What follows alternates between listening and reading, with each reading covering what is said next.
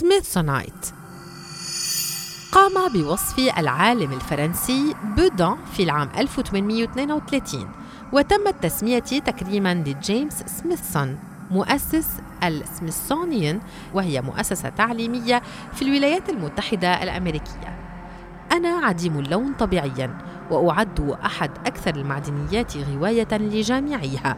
ولكن بسبب اختلاط بعض الشوائب معي أثناء تكويني تحت الضغط والحرارة تتنوع ألواني وتصبح زاهية بين الأزرق والأخضر والبني والوردي. عمليا أنا كربونات الزنك وأنا أحد الخامات الثانوية له وأتواجد في العادة على أعالي الصخور ذات الرواسب الزنكية.